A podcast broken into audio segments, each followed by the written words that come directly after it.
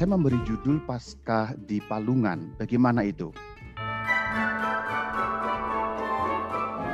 Saya mau mendasarkan diri pertama-tama dari kutipan Injil Lukas pada pasal yang kedua ayat yang ketujuh. Dan ia, maksudnya Maria, melahirkan seorang anak laki-laki anaknya yang sulung. Lalu dibungkusnya dengan kain lampin dan dibaringkannya di dalam palungan.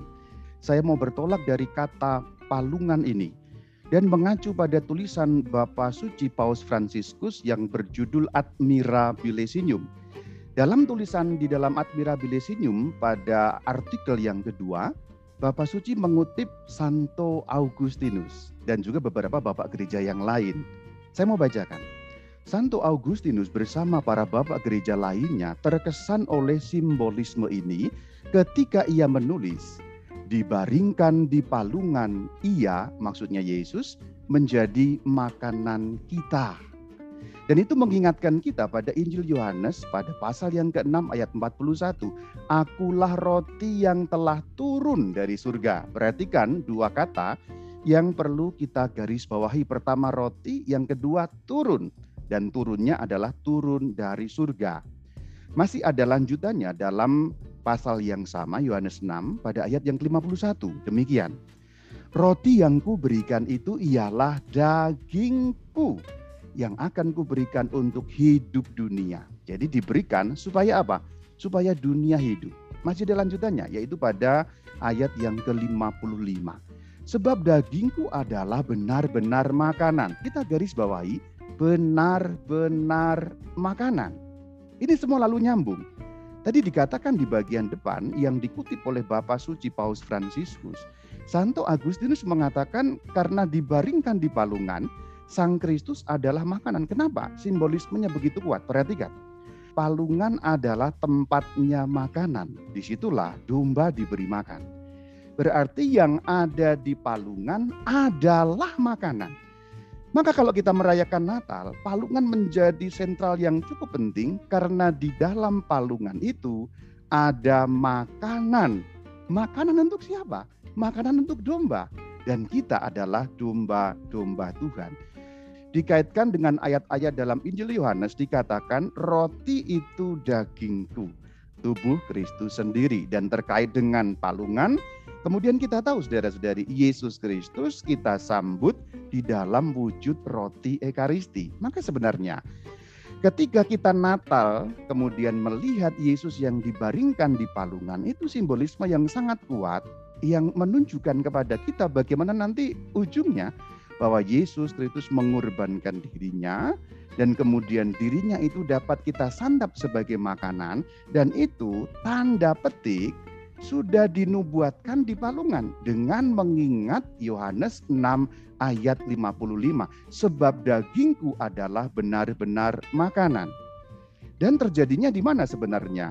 Pemberian diri, pemberian daging Yesus itu, pemberian tubuh Yesus bagi kita tentulah terjadi di dalam kurban salib, saudara-saudari. Kurban salib yang kemudian kita terima melalui sakramen Ekaristi, yaitu dalam wujud roti Ekaristi yang di dalam iman kita, kita yakini sebagai tubuh Kristus. Maka ini nyambung, ada hubungannya. Palungan tubuh Kristus, kurban salib. Berarti sebenarnya saudara-saudari ada paskah di palungan. Sebenarnya palungan menubuatkan kurban salib. Karena yang ada di palungan adalah makanan. Tubuh Kristus benar-benar makanan. Tubuh Kristus menjadi kita makan karena ada kurban salib yang kemudian dilaksanakan kurban salib itu kemudian diberikan kepada kita melalui sakramen ekaristi, melalui kurban misa. Kurban salib dan kurban misa adalah kurban yang satu dan sama sehingga daging Kristus, tubuh Kristus menjadi makanan bagi kita.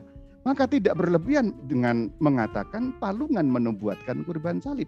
Berarti ada paskah di palungan. Maka tadi ketika suhu saya, Romo Robini mengatakan Natal dan Paskah itu nyambungnya erat sekali. Maka sungguh-sungguh dengan demikian kalau saya mau boleh katakan di sini, saya merefleksikan bahwa di dalam Natal sudah ada Paskah. Di dalam Natal, nubuat mengenai Paskah itu kuat sekali justru karena Yesus ada di palungan sebagai makanan bagi kita demikian kata Santo Agustinus. Kita ingat, akulah roti yang telah turun dari surga. Saya memberi penekanan pada kata turun dari surga. Ini kan lalu menjadi tema kita. Bukankah itu inkarnasi Sang Kristus? Bukankah itu Natal? Turun dari surga itu adalah Natal. Dan siapakah yang telah turun dari surga itu? Yohanes 1 ayat 1 mengatakan itu Sang Firman. Pada mulanya adalah firman. Firman itu bersama-sama dengan Allah dan firman itu adalah Allah. Perhatikan, firman, sang firman. Sang firman itu ada bersama dengan Allah. Dan sang firman itu adalah Allah. Kalau kita mengacu pada kitab kejadian jelas sekali bukan? Dengan firmannya penciptaan terjadi. Firman Allah itulah yang menciptakan dunia. Sang firman itulah yang menjadikan dunia. Nyambung kepada ayat 14 Firman itu, firman yang mana? Yang ditulis dalam ayat 1. Firman itu yang ditulis dalam ayat 1 telah menjadi manusia dan diam di antara kita atau terjemahan yang lebih baru atau yang lebih mendekati tinggal di antara kita bersyakinah di antara kita kalau dalam bahasa Ibrani atau bahasa perjanjian lama firman itu telah menjadi manusia dan tinggal di antara kita Bukankah dua ayat ini saja sudah sangat menggambarkan dan membuka bagi kita identitas Yesus Kristus dan Natal itu ini saudara-saudari. Maka gereja tidak berlebihan ketika memilih bacaan untuk misa Natal Indie, misa Tersia atau misa yang ketiga yang dilaksanakan pada 25 Desember pada waktu siang. Bacaannya Yohanes 1 ayat 1 sampai 14. Inilah Natal. Firman itu telah menjadi manusia dan tinggal di antara kita. Firman yang mana? Firman yang bersama-sama dengan Allah dan yang adalah Allah. Maka ketika firman menjadi manusia dan firman itu adalah Allah, bukankah kemudian jelas Allah menjadi manusia? Atau dalam perkataan yang lebih lurus, sang firman Allah itulah yang menjadi manusia. Tetapi karena firman adalah Allah, maka kita juga dapat mengatakan Allah menjadi manusia. Ini yang kita pertanyakan bukan? Ini yang kita bahas. Pertanyaannya kan kenapa menjadi manusia? Di dalam penjelasan yang disampaikan Romo Robini jelas sekali. Penebusan, penghapusan dosa. Sebab kita tidak bisa menebus dosa kita sendiri. Sebab kita tidak bisa menghapus dosa kita sendiri. Saya akan menggunakan bahasa Jepang untuk menuntun Anda dan juga untuk mengerti kenapa harus menjadi manusia, apalagi taat sampai wafat, bahkan sampai wafat di salib. Gunanya apa? Singkatnya, menebus kita, menghapuskan dosa-dosa kita, supaya kita bisa mengikuti beliau masuk ke dalam rumah Bapa Surgawi. Nah, kemudian ada pertanyaan yang berabad-abad selalu ditanyakan. Mengapa Allah tidak langsung saja mengampuni dosa manusia secara otomatis? Kan dikatakan jadilah maka jadi. Di dalam penciptaan alam semesta, jadilah ini, maka jadi, jadilah ini, maka jadi, jadilah, maka jadi. Kenapa kalau berkaitan dengan dosa, tidak bisa dikatakan hapuslah dosa, maka hapus, hilanglah dosa, maka hilang. Kok tidak bisa begitu? Ini pertanyaan besar. Masalahnya di sini. Di dalam surat Roma 6 ayat 23 dikatakan upah dosa adalah maut. Jadi saudara-saudari, kalau kita bicara mengenai dosa, kita bicara mengenai maut. Ini ayatnya Roma 6 ayat 23. Masalahnya itu di sini. Karena mengampuni dosa berarti menghapus dosa. Menghapus dosa karena dosa itu upahnya maut, berarti menghapus maut, memberikan hidup bukan? Menghapus maut berarti memberikan hidup. Ayat dalam Roma 6 ayat 23 ini tidak berdiri sendiri saudara-saudari. Ini sesungguhnya menggemakan apa yang sudah tertulis dalam kitab kejadian 2 ayat 17. Perhatikan. Jangan kau makan buahnya, sebab pada hari engkau memakannya pastilah engkau mati. Perhatikan. Maut mati. Ini ayat yang paralel sebenarnya. Roma 6 ayat 23 menggemakan ayat dalam perjanjian lama kejadian 2 ayat 17. Mati. Tetapi untuk memahami ini saudara-saudari, kita harus mengetahui bagaimana penciptaan. Sedikit saya singgung. Ketika Allah menciptakan alam semesta, tertulis dalam kejadian 1 ayat 31 juga sudah ada manusia di dalamnya. Apa yang Allah ciptakan itu sungguh amat baik. Berarti ada bahasa gampangnya sistem ada struktur, ada keteraturan yang sungguh amat baik. Atau bahasa simpelnya ada hukum-hukum Allah yang Allah ciptakan. Sehingga kalau hukum itu dilanggar maka menjadi terganggu. Dan kejadian 2 ayat 17 ini sesungguhnya juga hukum Allah, struktur yang Allah ciptakan, keteraturan yang Allah ciptakan. Kalau engkau makan, engkau mati. Keteraturannya adalah jangan makan. Sebab kalau makan, engkau mati. Dan ini yang menjadi masalah. Simpelnya begini. Tuhan sudah membuat tanda petik sistem, tanda petik struktur, tanda petik hukum ilahi bahwa kalau manusia makan buah yang berarti berdosa, maka manusia mati. Itu hukum ilahi. Tuhan sudah menetapkan hukum demikian. Tuhan sudah menetapkan struktur demikian. Tuhan sudah menetapkan bahasa tanda petiknya sistem yang demikian. Itu sistem yang Tuhan ciptakan. Kalau engkau makan, engkau mati. Kalau engkau berdosa, engkau mati. Dan memang kita tahu ceritanya manusia berdosa di sana. Maut dan mati terjadi. Itulah kenapa harus ada yang menghapuskan. Dosa itu mati, kalau dosa dihapuskan berarti menjadi hidup. Siapa yang bisa memberikan hidup kecuali Allah sendiri. Kalau kita mengacu pada kitab kejadian, bukankah hidup diberikan oleh Allah? Manusia yang berdosa berarti mati. Kalau manusia mati, dia tidak bisa menghidupkan dirinya sendiri. Simpelnya begitu. Maka ini nyambung dengan yang dikatakan oleh Romo Robi ini. Hati-hati dengan pelagianisme. Yang zaman modern ini juga menyusup ke berbagai macam ajaran-ajaran. Tidak hanya di dalam ajaran Kristen. Tapi ajaran termasuk juga saya sebut langsung lah New Age Movement misalnya ya. Manusia bisa menyelamatkan dirinya sendiri. Asal mengikuti petunjuk akan sampai pada keselamatan. Itu omong kosong di dalam sudut pandang iman Katolik. Sebab apa? Kalau berdosa mati. Kalau mati manusia apakah bisa menghidupkan dirinya sendiri? Tidak. Maka Tuhan yang harus memberi dia hidup. Menghapus dosa berarti memberi hidup, menghapus kematian. Dan itu hanya bisa Allah. Ibrani 9 ayat 26. Ia, Yesus Kristus, pada zaman akhir menghapuskan dosa oleh kurbannya. Kurban apa yang dimaksud? Kurban salib.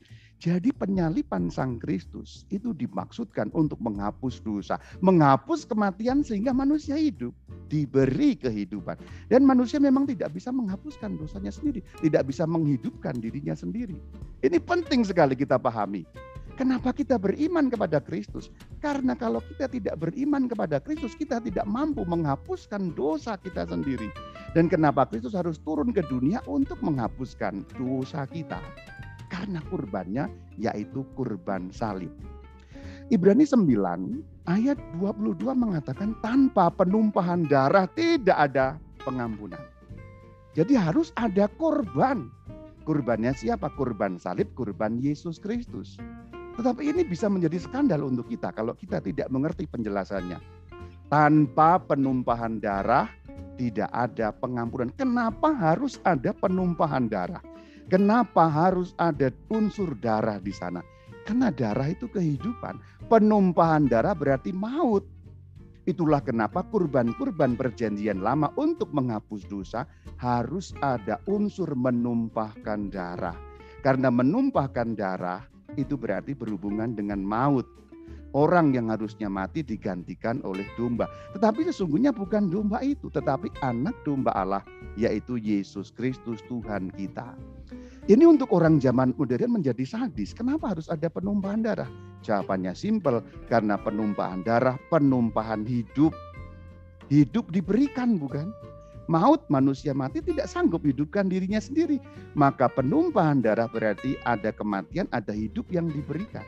Oleh karena kematian Kristus, kita dihidupkan. Tapi ini bisa menjadi pertanyaan besar untuk orang zaman modern. Kenapa sih harus seperti itu? Untuk ke sana kita ingat upah dosa adalah maut. Nah ini persoalannya. Ini hukum Tuhannya begini.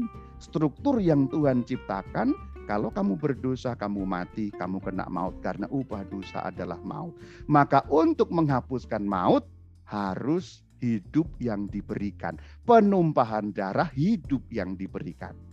Sekarang saya mau pakai bahasa Jepang, saudara-saudari. Simak bahasa Jepang berikut. semoga akan lebih mudah untuk mencerna kenapa Kristus harus menumpahkan darah demi menjadi korban untuk menghapus dosa kita. Itu kan pertanyaannya. Yuk kita pakai bahasa Jepang. Jepang artinya jelas dan gampang. Ada dua orang, yang pertama namanya Robin yang kanan itu ya, yang nomor dua namanya Ayub. Robin itu samaran untuk Robini sebenarnya. Oh, oke. Okay. Oh, kalau Ayub berarti apa? Ayub, Buya. Ayub itu kan nama Bayu dibalik gitu. Oh, Buya dong itu nama. Buya terusnya. B-nya dilempar ke belakang itu. ya kita tahu Robin yang lebih kaya lah. Begini ya ceritanya. Robin punya uang, Robin kaya. Ayub tidak punya uang, Ayub miskin. Nah kemudian Ayub berutang kepada Robin. Ini cerita yang nomor satu. Tetapi karena miskin, lama-lama uangnya habis dan nomor dua, Ayub tidak mampu membayar utangnya.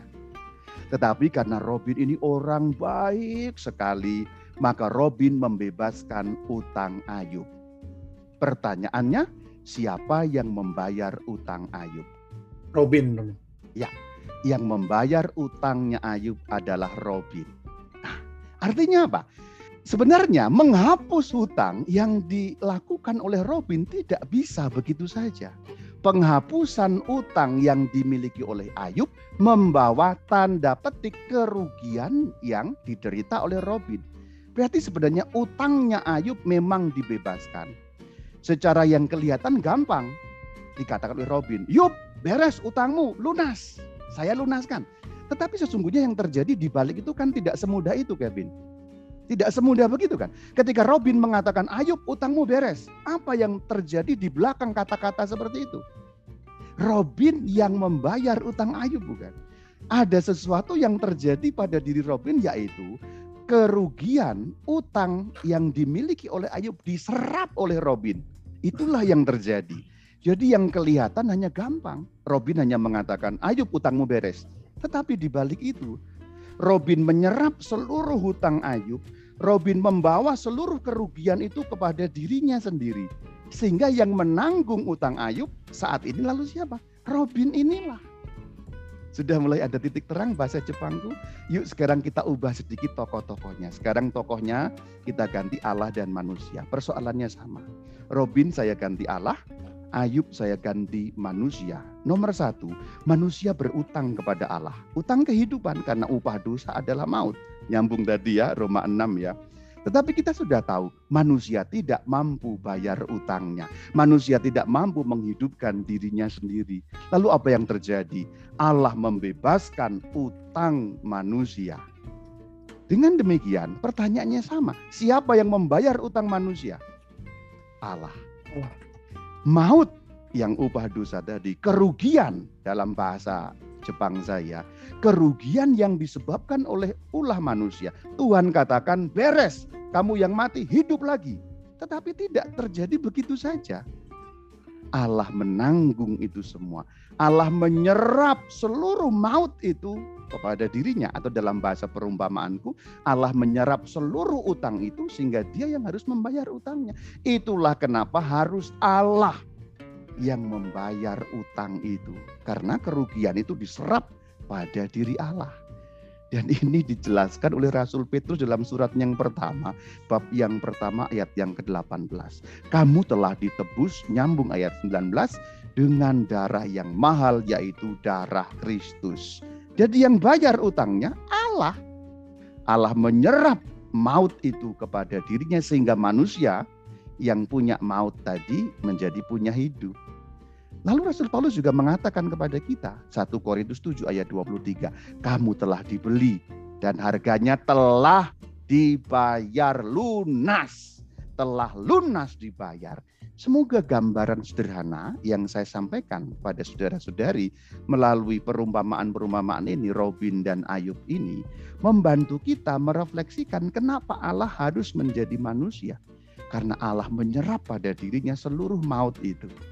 Dan Allah membayar lunas, yaitu Allah yang inkarnasi, firman yang menjadi manusia. Karena firman itu adalah Allah, maka Allah yang menjadi manusia itulah yang sanggup membayar lunas seluruh hutang-hutang kita, yaitu upah dosa adalah maut tadi itu.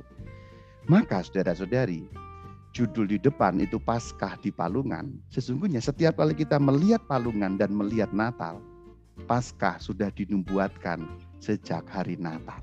Kematian Kristus sudah dinubuatkan sejak hari Natal. Jadi sebenarnya Natal itu juga warta mengenai salib, kurban salib dengan ditampakkan kejadiannya pada saat itu Yesus yang ada di palungan dan dengan itu menjadi makanan bagi kita. Semoga cinta yang demikian besar tadi kita rasakan pada masa Natal ini. Shalom alaikum. Terima kasih Romo Bayu. Saya tadi lihat Bapak Iya. Ibu yang mendengarkan udah ngangguk-ngangguk, udah udah mulai senyum-senyum. Iya. Semoga hari ini uh, bisa membuat kita semakin menghayati Natal ya Rama. Iya, saya juga sangat terinspirasi dari apa yang disampaikan oleh Romo Robini. Memang kelasnya lain, Vin. Rama Bayu. Tadi Pak Vidi langsung kontak itu keren ya Ram- Romo Robini ya. Ini saya jujur loh Romo. Emang kelas kampung abang oh. Ini ini ini ini jujur Romo tadi Pak Vidi kontak langsung kontak saya itu. Keren Romo Robini. Ada itu chatnya. Lalu saya katakan memang kelas suhu ya seperti itu gitu. Nah, tapi sekarang Bapak kita juga akan mendengarkan yang gak kalah keren. Kelas suhu tubuh Rama mau. Bayu. Us kelas suhu tubuh.